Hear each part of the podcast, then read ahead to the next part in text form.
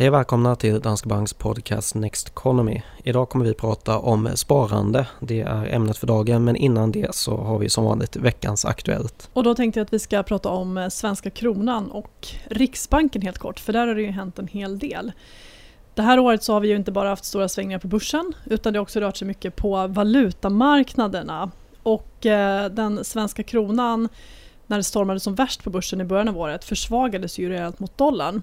Och en eh, positiv effekt av det här för den som har en väldiversifierad global portfölj det är att svängningarna dämpas när det blir oroligt på marknaden.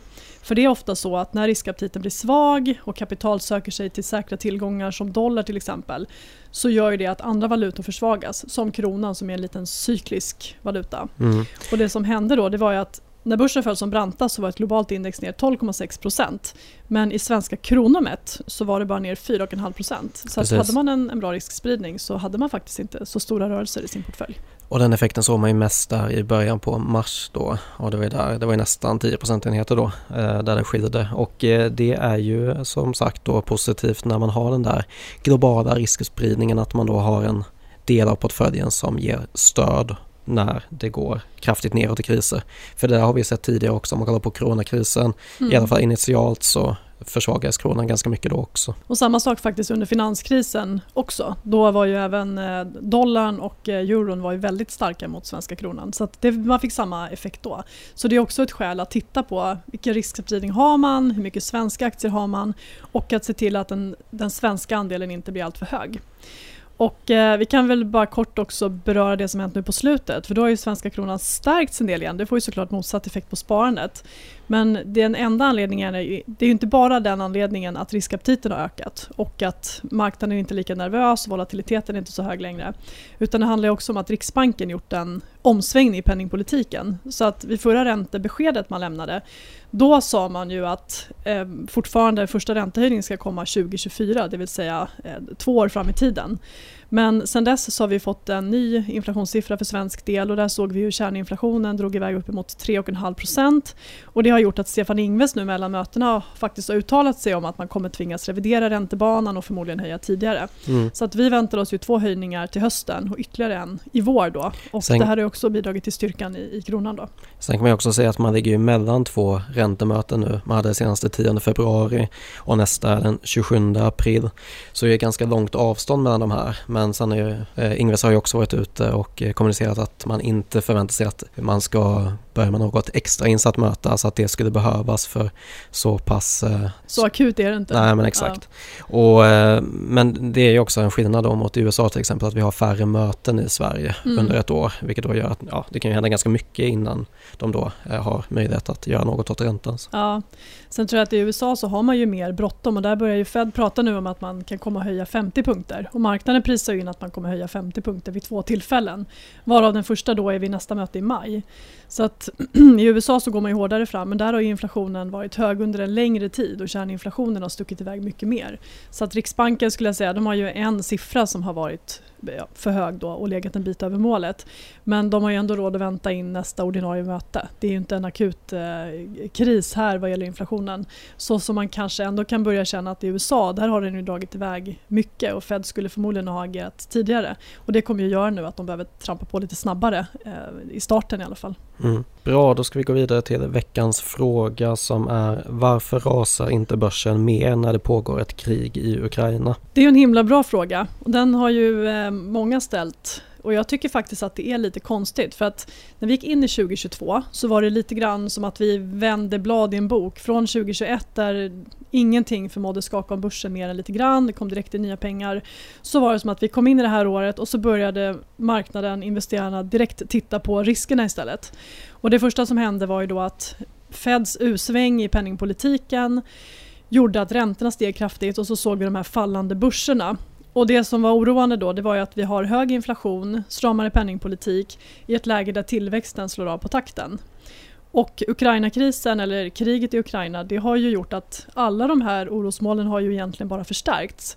Så att inflationen kommer bli högre ännu längre till följd av stigande priser på bränsle och mat som även spiller över på andra saker. Och samtidigt så är ju risken för tillväxten på nedsidan på grund av att de här prisökningarna gör att hushållen får negativa reallöner och ganska kraftigt negativa reallöner. Och det kan ju då dämpa konsumtionen. Mm. Så att räntorna har stuckit iväg uppåt på det här. Så i USA är tioårsräntan på den högsta nivån på nästan tre år. Sen uh, kan man väl ändå tänka sig att det, mycket av det där är redan inprisat då med tanke på det fallet som vi hade i början av året. Och samma sak då om man kollar på den här typen av väpnade konflikter historiskt så tenderar marknaden att prisa in det ganska snabbt där när konflikten är på gång att dra igång och sen då blir det stökigt och oroligt när det väl händer. Men sen så tenderar den ju faktiskt att stiga de kommande sex månaderna. Mm, när så... fokus återgår till, till tillväxt och sådär. Ja. Men det är ju egentligen just där jag tycker att när fokus vänder tillbaka till ekonomin och vad som händer där så är det ju så att inflationen är väldigt, väldigt hög och centralbankerna kommer strama åt mer än vad man trodde i början av det här året. Och tillväxten kommer förmodligen bli lägre. Vi har skruvat ner våra prognoser och andra prognosmakare gör samma sak.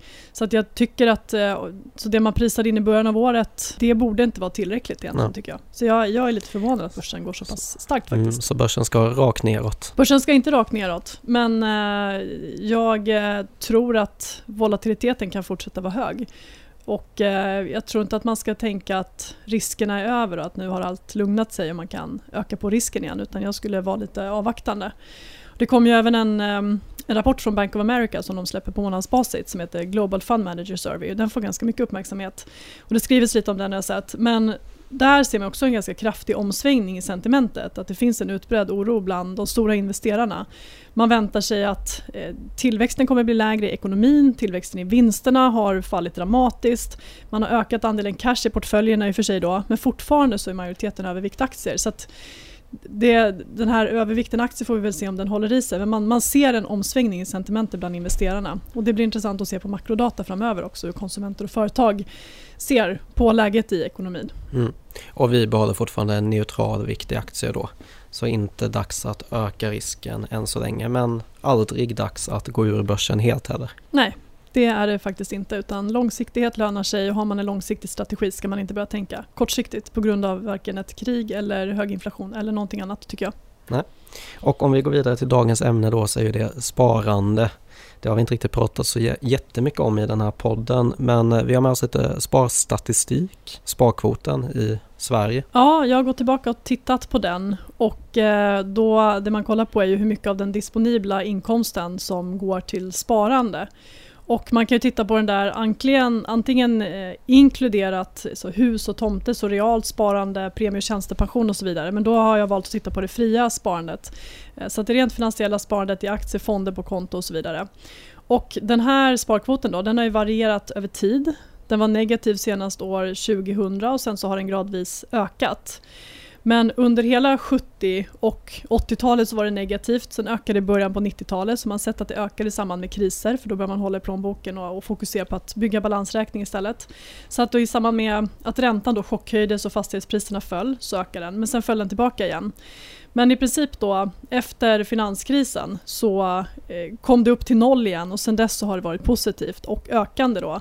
Och eh, under coronakrisen så steg ju sparkvoten kraftigt därför att dels så var vi rädda för att göra av med pengar tror jag. Vi sparade därför att vi var oroliga för framtiden men dessutom så var det svårt att göra av med pengar när vi satt hemma.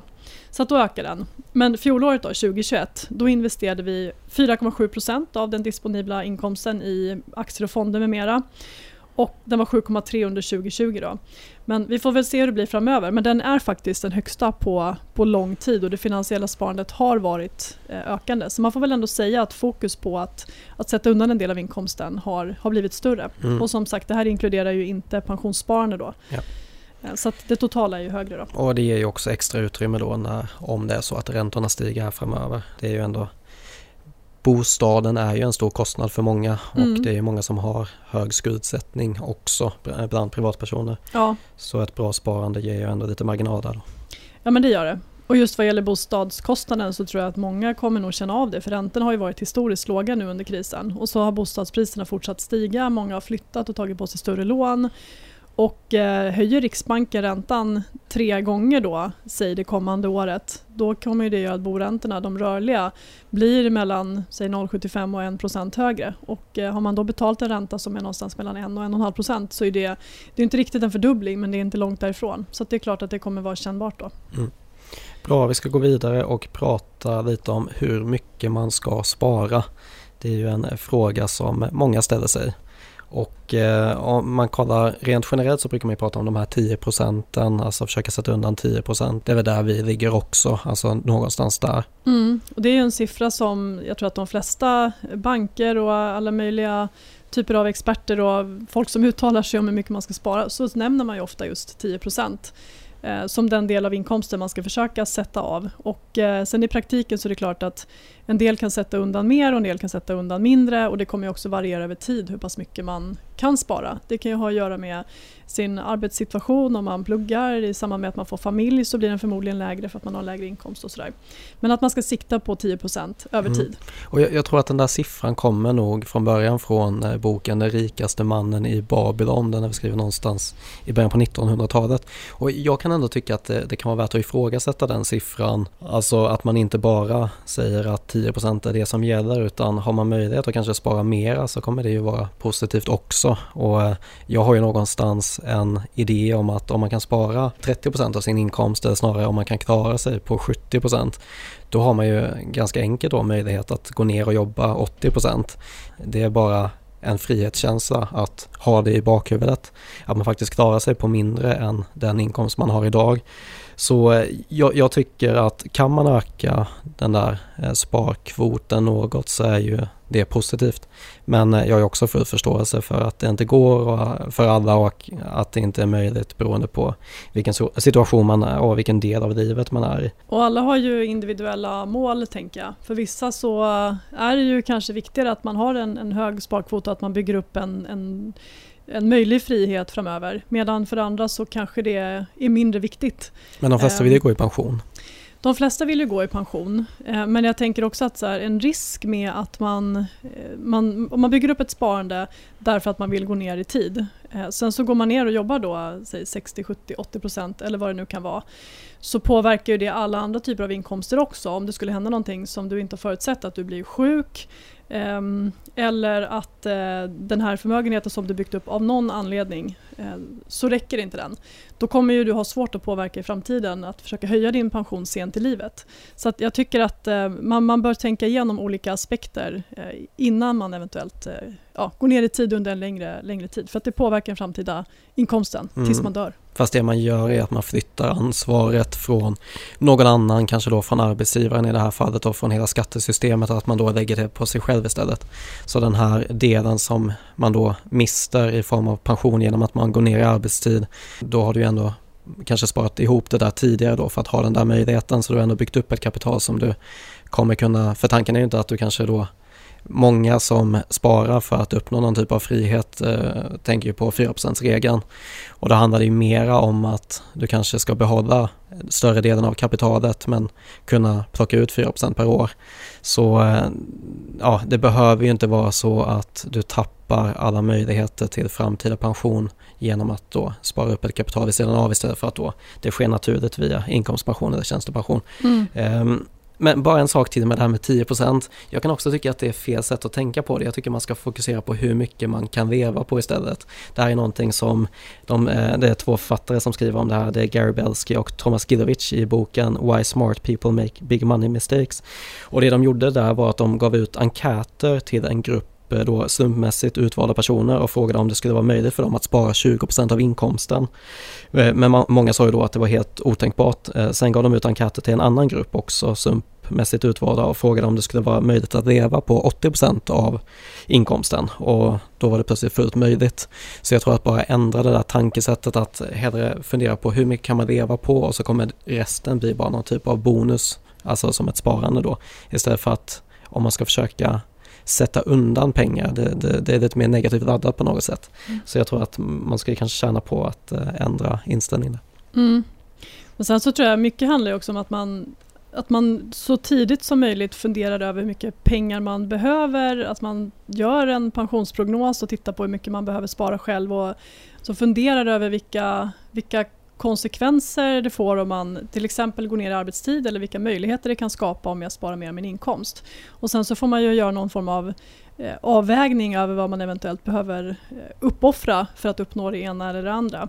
Men just det här att, att fundera igenom sin situation och sen så tror jag också att så livet kan förändras så otroligt mycket. Från när man är ung och man börjar jobba och man, man ökar sin lön och kanske fokuserar på att man, man sparar och investerar den till det läge där man eh, skaffar familj eh, och eh, kanske får andra prioriteringar och är mer beroende av liksom, tryggheten i en, en full anställning eh, och eh, inkomst från arbetsgivaren och sjukpengar och så vidare.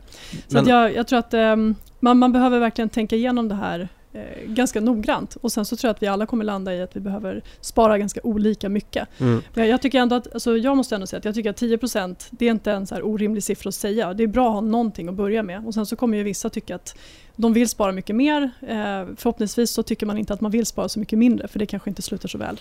Nej, sen kan jag bara tycka alltså när det här med att man då i, mitt i livet där när man eh, är, alltså om man har små barn, om man har, alltså det är ganska fullt upp då. Ganska skönt då om man har ett kapital undansparat som man ändå kan känna att i de här åren när det är väldigt stressigt, att man då kanske inte behöver gå till jobbet och eh, stressa för att få in den där inkomsten. Då kan det vara ganska skönt att kunna känna ändå att man kanske kan gå ner i arbetstid eller så. Om man nu har möjlighet, och om det är det man skulle vilja. Så jag tror att, att ha den här extra sparandet i grunden då, och ha den här friheten med sig, att, alltså friheten att välja, det är ju det det handlar om. Jag tror jag kanske jag är lite mer riskavert i den frågan, men jag tänker också att om man om man gör det, alltså man, man flyttar ansvaret från systemet till sig själv och säger att jag sparar väldigt mycket nu för att bygga upp ett kapital som jag sen ska kunna leva på helt eller delvis framöver och gå ner i arbetstid under en, en lång period eller kanske alltid. Så jag, jag lägger också väldigt mycket risk på mig själv. Alltså om det händer mig någonting eh, som gör att jag har svårt att få annan inkomst eller att jag behöver, jag behöver ta de här sparpengarna och ehm, eh, göra någonting med dem. Det händer någonting oväntat i mitt liv som gör att jag behöver eller att jag vill använda dem till någonting så jag inte längre kan leva på det kapitalet. Då kommer jag ju sen samtidigt då permanent ha sänkt min framtida inkomst i slutet av livet på ett sätt som kanske inte går att reparera längre fram om det här har pågått under lång tid. Så jag, jag ser det också som en, ja, men en risk att lägga allt ansvar på mig själv. Sen jag kan så... förstå det, det, det liksom sköna i att jag tar över ansvaret men också som sagt det kan hända, kan hända mycket i livet som man inte är, är beredd på. Och man kan ändra prioriteringar längre fram. Eh, så att val man gjort tidigare kan få konsekvenser tror jag. Men sen så, det, man kan ju ha en kombination också. Eh, det behöver inte vara så att man tar bort hela ansvaret från någon annan. Är det så då att man fortsätter jobba på något sätt, bara att man går ner i tid, då har man ju fortfarande, man får ju fortfarande pensionsinbetalningar eh, på den delen.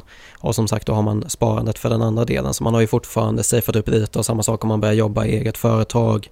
Då kan man ju faktiskt ha pensionsinbetalningar via det också. Så man behöver, det behöver inte vara allt eller inget, men eh, det handlar ju någonstans om att eh, öka friheten genom att ha det här sparandet vid sidan av. Eh, bara en sak där, för det som är ett av problemen här då när det handlar om att spara, det är ju någonting som kallas för livsstilsinflation. Och mm. det är ju då tendensen att hela tiden öka utgifterna i takt med inkomstökningar. Och det där tror jag många känner igen, det är få som lever som de gjorde när de var studenter, när de är kanske i 30-40 års åldern. Det kan ju ha med annat att göra, alltså familjesituation och sådär också. Eller att man helt enkelt inte vill leva som man gjorde när man var student. Man har en betydligt högre inkomst. Precis, det var ett extremexempel. Men det jag menar är bara att alltså, man trivdes nog ändå ganska bra under de där åren också utan att man då eh, för den delen behöver ha jättestora utgifter. Men sen så tenderar man då att när man får den där eh, första stora inkomstökningen som kan vara på, ja det kan ju vara på 100 eller till och med 200 procent när man går från student till att arbeta. Då tenderar man ofta att spendera hela den där summan. Så man går från en väldigt låg nivå och sen så bara direkt tar man hoppet och ska helt plötsligt spendera jättemycket mer. Och det finns ju ingen anledning till det där egentligen. Alltså marginalnyttan av att spendera de där sista kronorna, det kommer inte ge så mycket extra glädje utan bättre då att eh, ha den här procentsumman, tänka sig kanske då de här 10, 20, 30, 70 procenten, vad man nu själv bestämmer. ja. Och eh, sen då att den där summan automatiskt då ökar i takt med inkomstökningarna. För det, procentandelen gör ju att ja, du kan eh, unna dig lite mera det kan du göra men du kommer också spara lite mera. Så att hålla den där procentandelen stabil över tid är ju ett bra sätt att minska den här då livsstilsinflationen. Mm. Ja, men jag, jag håller helt med om att man ska börja spara så tidigt som möjligt och har man möjlighet direkt när man går från student till ett arbete där du, precis som du säger så går ju ofta inkomster upp dramatiskt bara i det steget. Eh, så ska man ju göra det för att ju mer man sparar tidigt desto mindre kommer man också behöva spara senare. Så börjar jag spara när jag är 45 till min pension för att jag inser att den kommer bli fattig så blir det mycket tuffare än om jag började månadsspara lite redan när jag började på mitt första jobb. Så att det, det håller jag absolut eh, med om. Men sen så tror jag den här livsstilsinflationen den, den känner nog de flesta igen sig i och jag gör det verkligen. Jag, livsstilsinflationen den har ju funnits hela tiden även om jag också alltid har även om jag också alltid har sparat. Men det handlar också lite om vad man, ja, men vad man prioriterar. Jag tror att så länge man gör det medvetet och samtidigt som kan titta på vad man behöver spara, så att man sparar det man behöver, så kan man ju liksom tillåta sig en, en, en ökad levnadsstandard och ökade utgifter också. Ja, och sen är det också viktigt alltså varför man gör det. Det handlar mm. ju någonstans om att det ska ge värde tillbaka de där extra kronorna som man spenderar tyvärr så är det ju så att vi är statusjagande. Det där med att eh, status har varit en viktig del. Alltså om man går tillbaka och kollar på hur det såg ut när vi levde på savannen. Då var det ändå ganska viktigt att vara en, dels att vara en del av en grupp men också om man var högre upp i hierarkin så kunde man ha fördelar av det. Alltså mer tillgång till mat och, och så vidare. Och det där lever ju kvar, man jämför sig så enkelt med andra. Alltså man försöker leva upp till någon typ av status som andra har och eh, samma sak att det man brukar säga att det är bättre att vara den i bostadsområdet som har den största förmögenheten. Alltså istället då för att jaga ett, en annan typ av status och bo i ett finare område så kan det vara bättre att vara, vara rikast i ett fattigt område om man säger så, för mm. att hårdra det. Och eh, det där är någonting som Morgan Housel skriver väldigt bra om också. Han skriver att den svåraste privatekonomiska färdigheten är att få målet att sluta flytta på sig. Mm. Alltså tendensen då att så fort man har uppnått ett mål så flyttar målet sig lite till. Så mm. man jagar hela tiden det där målet framåt hela tiden. Och i privatekonomin så är ju det förödande för då kommer det ju hela tiden kräva samma typ av arbetstimmar för att täcka dina kostnader. Så du minskar ju aldrig stressen kring att dra, dra in pengar på det sättet. Utan, så det där är någonting man, man kanske ska vara lite försiktig med just det här att ändå se, tänka när, när något är nog. Mm. Ja men absolut, alltså att försöka känna också att man är, man är nöjd och det tror jag gäller i, inte bara i det ekonomiska utan det gäller ju generellt att försöka, försöka njuta av det man har också och inte alltid se det som bara jag lyckas med det här, bara jag får ihop så här mycket pengar, bara jag har den här lönen så kommer allting bli bra. För har man den inställningen då spelar det ingen roll vad man tjänar eller var man bor eller vad man gör tror jag. Nej men exakt. En annan sak som jag bara vill nämna något om det är ju det här med alltså att fokusera på utgiftssidan kanske snarare än intäktssidan. För någonting som man ska ha med sig är att det är väldigt svårt att kontrollera avkastningen man får på sina pengar. Men däremot så, alltså den kan ju bli mindre än man hade förväntat sig. Mm. Men däremot så kan man ju kontrollera hur man hanterar sina pengar. Alltså mm. man kan kontrollera hur mycket man sparar. Det är mycket enklare. Så det här fokuset på att jaga avkastning, alltså vi, spenderar oproportionerligt mycket tid på det jämfört med på att fundera över hur vi kan kapa kostnader. Även fast det kanske är där vi kan göra den största skillnaden de allra flesta. Mm. Ja, precis. Och lönen är ju, inkomsten eller lönen är ju svårare att påverka. För de flesta så förändras ju den en gång om året i enlighet med något fackligt avtal som ger mellan 1 och 2 procent i löneökning förutsatt att man inte byter jobb. Då. Um, och det är klart att det där det är ju svårt att påverka. Men um, att styra över sina kostnader och att titta vad man kan vad man kan tjäna in några hundralappar eller tusenlappar där som man kan sätta undan, det är ju lättare. Så jag tycker att det är en, det är en väldigt viktig poäng. Mm. Sen, eh, alltså bara för att gå tillbaka till det här med hur mycket pengar man behöver. Det, här, det finns en studie från eh, Daniel Kahneman, han gjorde den vid Princeton University och den har väl blivit ifrågasatt precis som alla andra studier.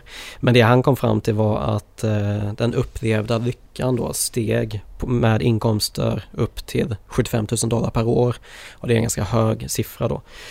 Men efter det så avtog den igen och eh, det visade sig att upp till den nivån då kunde ändå den där eh, upplevda lyckan öka men efteråt så hade det ingen effekt. Det som det också visade var att av de som tjänade mindre än 1000 dollar per månad, alltså 1000 dollar per månad, det är alltså 12 000 per år då, då rapporterade de att 51 procent kände sig stressade eller nedstämda dagen innan när de gjorde den här studien. Och den siffran sjönk sen 24 procent bland de som tjänade mer än eh, 3000 dollar per månad. Siffran sjönk alltså till 24 procent. Mm. Så det är någonstans där när man tjänar väldigt lite, om man kan ta upp sig till en viss nivå då kommer det göra stor skillnad. Men sen så gör det inte så stor skillnad Nej, på... en avtagande marginalnytta. Ja men exakt. Men just att inte behöva vända på varje krona och att vara orolig över att man ska kunna betala hyra och matkostnader och kläder till sina barn. Den, det är klart att den är jättetuff. Och ekonomi är ju för övrigt också en av de vanligaste orsakerna till att man bråkar i en relation. Eh, Och har man lite pengar då så är det klart att det är lättare att det blir eh, tjafs om eh, vad man ska lägga pengar på också. Så det kan ju påverka livet på, på många olika sätt. Och det är klart att det är lättare att inte behöva känna att man är trängd ekonomiskt Mm. varje månad och varje vecka. Bra, jag tror nästan att det kanske kan räcka för den här diskussionen idag. Vi kan ju återkomma till det här vid ett annat tillfälle. jag tror det finns är mer att säga. ämne. Ja men exakt. Eh, men vi ska gå vidare idag och prata om veckans studie. Och eh, det går ju inte att prata sparande utan att nämna den här 4%-regeln, den har jag redan nämnt. Och eh, den här studien är ju då Determining Withdrawal Rates Using Historical Data av William Bengen som då ligger till grund för det man kallar för 4%-regeln. Och eh, det handlar alltså om att kunna plocka ut 4% av portföljen, justera den summan för inflationen varje år och sen leva på de pengarna. Och sen då när ens portfölj har nått 25 gånger ens årliga kostnader så har man tillräckligt för att gå i pension är tanken. Så om man har kostnader på till exempel 200 000 per år blir det alltså 25 gånger 200 000 lika med 5 miljoner. Det där kan ju vara ännu mera om man har högre kostnader, man kanske behöver 10 miljoner eller vad man nu kan behöva, eller mindre. Mm. Eh, men eh, studien då från början bygger på att man ska ta ut pengar under 30 år. Han vill alltså ta reda på vad det maximala uttaget man kan göra för sin portfölj är för att få pengarna att räcka i 30 år. Och då kom han fram till i studien att det är 4% när han studerar data mellan 1926 till 1976. Den är ju eh, lite äldre den här studien då. Och det vill säga att tidsperioder på upp till 33 år alltid har fungerat och 50 år har ofta fungerat. Och sen skriver han att det optimala är att ha 50-75% av portföljen i aktier och resterande i räntebärande tillgångar. Då. För har du för lite aktier blir avkastningen inte hög nog och har du för mycket kommer portföljen drabbas för hårt vid eh, börskrascher när han Mm. tittar historiskt. Och eh, han skriver också om tre olika grupper. The Black Holes kallar han den första gruppen och det är de som har stått inför en kris när de ska börja ta ut pengarna. Och sen The Stars som har stått inför ett börsrally och sen The Asteroids som har stått inför en förhållandevis normal marknad. Och alltså det kommer ju fungera för alla de här personerna. Det är det som är själva tanken. Men det jag menar att för den här gruppen då Black Holes är det viktigt att stå emot den här viljan att sälja när det ser som mörkast ut och det är det vi pratar om ofta också. Mm. Och för Stars är det viktigt att inte ändra uttagsandelen bara för att marknaden har gått starkt i närtid. Utan då hålla fast vid de här 4 procenten. Och för någon gång kommer det vända och då behöver man det här uppbyggda kapitalet. Och sen de här asteroids, det är den enklaste gruppen för de får ungefär det de har förväntat sig. Eh, så eh, jag tycker det, det är intressant att han får in lite mer så här Bayval Finance i det här också. Ehm, och den här är alltså, gjord 94, det har kommit andra studier efter det. Trinity-studien är känd och man har gjort på längre tidsperioder. Om man ska ha en längre tidsperiod än 30 år, man har kollat på 60 år till exempel, då, då börjar man ju mer aktier. Eh, har man kommit fram till och sen så har man ju också kollat på vad värdering har för betydelse. Man har kollat på kapet till exempel, det cykliskt justerade P talet och har det legat över 20 historiskt så kanske man behöver sänka procentandelen. Och det finns ju en hel del sådana eh, justeringar som man kanske kan fundera över men som någon typ av utgångspunkt så kan det ju ändå, kan det ju ändå vara en, en ganska bra nivå de här 4 procenten. Mm. Jag tror just det här förväntansbilden och att eh, förstå hur avkastningen kan variera över tid och vad man kan förvänta sig på lång sikt, den är nog rätt viktig.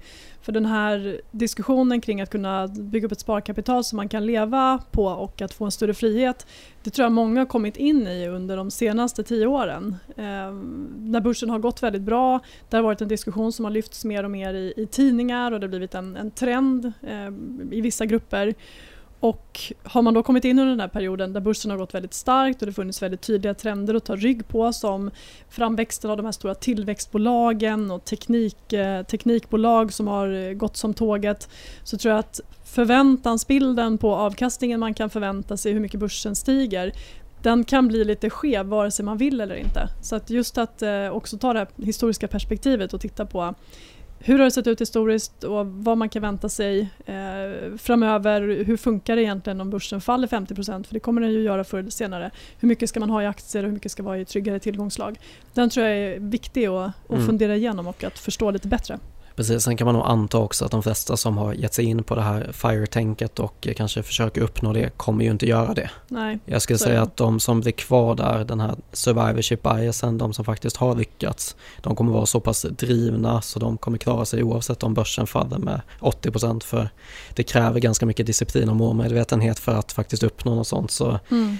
eh, men, men jag håller med, man, man ska inte ha för stora förväntningar på att det där med 4% alltid är giltigt. Det här är baserat på historisk data det kan ju faktiskt förändras. Eh, bra, jag tror att det får avrunda podden för idag. Mm. Ni får som vanligt ställa frågor antingen i frågeformuläret här i avsnittsbeskrivningen eller på Twitter. Och eh, gå gärna in på nexteconomy.se. Det är vår finansiella nyhetssajt där ni hittar eh, artiklar, poddar, bloggar och eh, filmer om det som händer på börsen och investeringsstrategi. Nexteconomy.se Och nästa avsnitt kommer igen om två veckor så vi hörs igen då. Tack för att ni har lyssnat. och ha en fin vecka.